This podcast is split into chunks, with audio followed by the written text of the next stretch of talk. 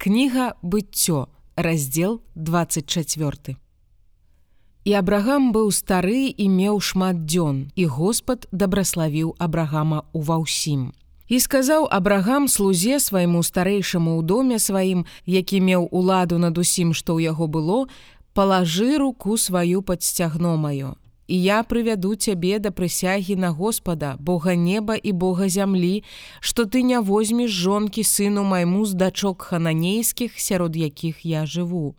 Але пойдзеш у зямлю маю і да родзічаў маіх і возьмеш жонку сыну майму Ісааку. І сказаў яму слуга: « Можа, не пажадае тая жанчына ісці са мною сюды ў гэтую зямлю. Ці маю я завесці сына твайго адсюлю тую зямлю, з якой ты выйшаў і сказаў яму абрагам: сцеражыся, каб не завесці туды сына майго. Господ Бог неба, які ўзяў мяне з дому бацькі майго і з зямлі нараджэння майго, і які казаў да мяне і які прысягнуў мне кажучы: насенню твайму я дам гэтую зямлю. Ён пашле анёла свайго перад абліччам тваім, і ты возьмеш адтуль жонку сыну майму. А калі не пажадае тая жанчына ісці з табою, ты будзеш вызвалены ад гэтыя прысягі маёй, толькі сына майго не завядзі туды. І палажыў слуга руку сваю пад сцягну абрагама пана свайго і прысягнуў яму ў гэтай справе. І ўзяў той слуга 10 вярблюдаў пана свайго і пайшоў і ўсялякае даброцце пана ягонага было ў руцэ ягонай і ўстаў ён і пайшоў у арам на гараім у горад на хора. І дазволіў ён вярблюдам укленчыць вонкі гораду каля студні вады пад вечар, у той час, калі выходзіць чэрпаць ваду. І сказаў ён: « Господе, Божа пана майго абрагама, зрабі, каб сталася ласка мне сёння і ўчыні міласэрнасць пану майму абрагаму. Вось я стаю каля крыніцы вады і дочки жыхароў гораду выходзяць чэрпаць ваду.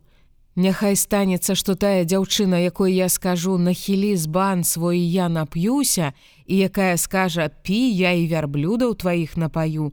Вось гэта тая, якую ты прызначыў слузе твайму Ісааку, і з гэтага пазнаю, што ты ўчыніў міласэрнасць пану майму. І сталася, перш чым скончыў ён казаць, вось выйшла Рэбека, якая нарадзілася ў Бэтуэля, сына мількі, жонкі на хора брата Абрагама, і збан ейны на плячы ў яе. І была тая дзяўчына вельмі прыгожая з выгляду. Дзяўчына, якую мужчына не пазнаў. І зайшла яна да крыніцы і напоўніла збан і вярталася. І пабег слуга насустрач ёй і сказаў: « Дай мне глытнуць крыху вады са збана твайго і сказала яна: пі пане мой і паспяшалася і спусціла з бан на руку сваю і дала яму напіцца.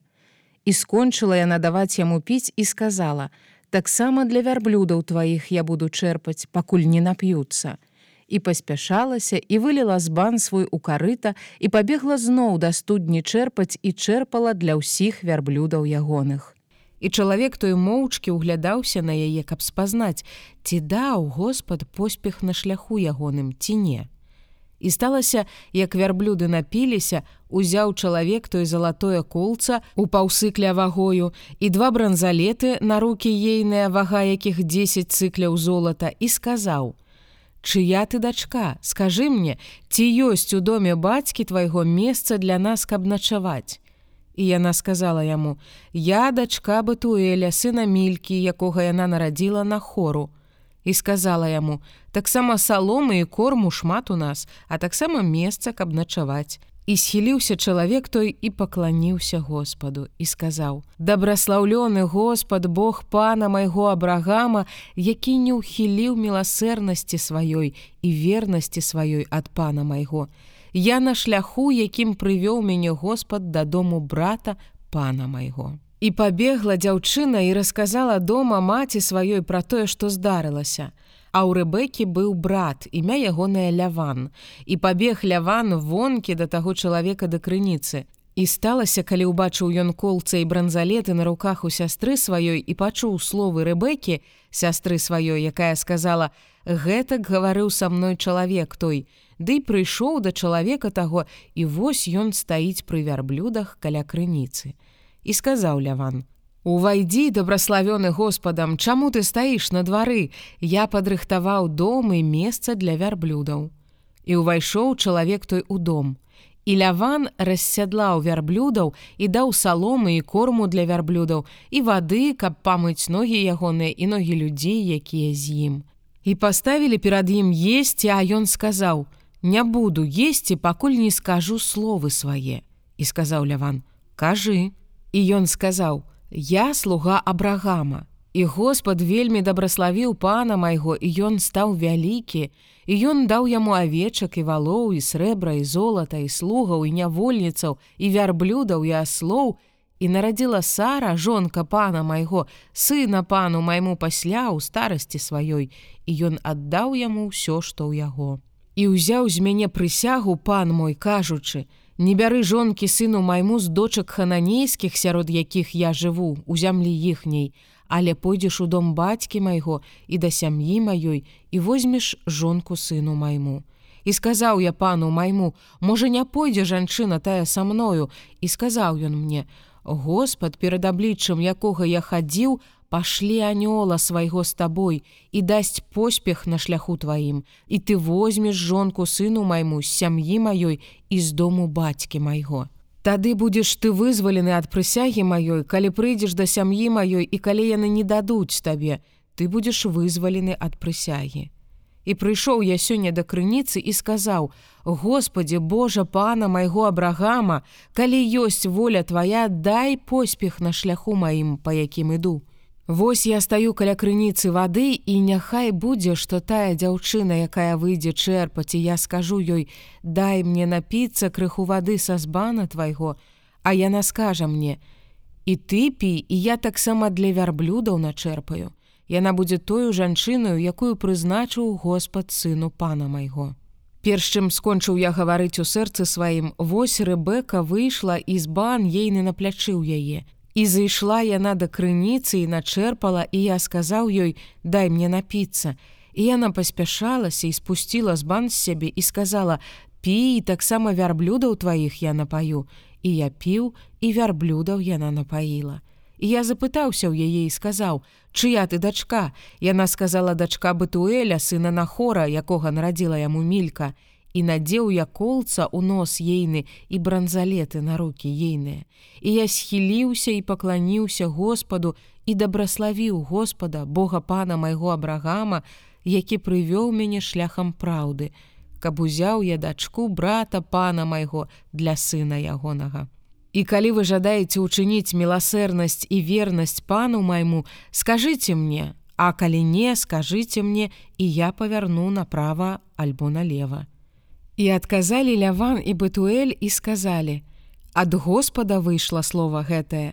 Мы не можам казаць табе ані ліхога, ані добрага, Вось рэбека перад абліччам тваім, возьми і пайдзі, і няхай будзе яна жонкаю сыну пана твайго, як казаў Господ.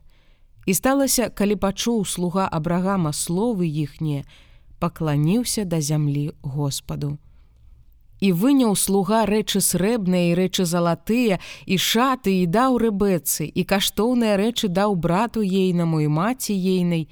І ели і пілі ён і людзі якія з ім і пераначавалі.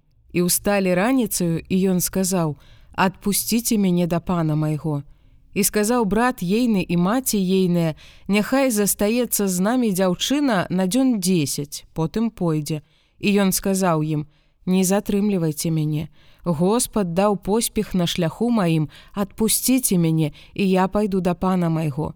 І яны сказалі: паклічым дзяўчыну і спытаемся ў яе. І паклікалі рэбеку і сказалі ёй: Ці пойдзеш з гэтым чалавекам? Яна сказала: пайду. І адпусцілі рэбеку сястру сваю і няньку ейную і слугу абрагама і людзей ягоных.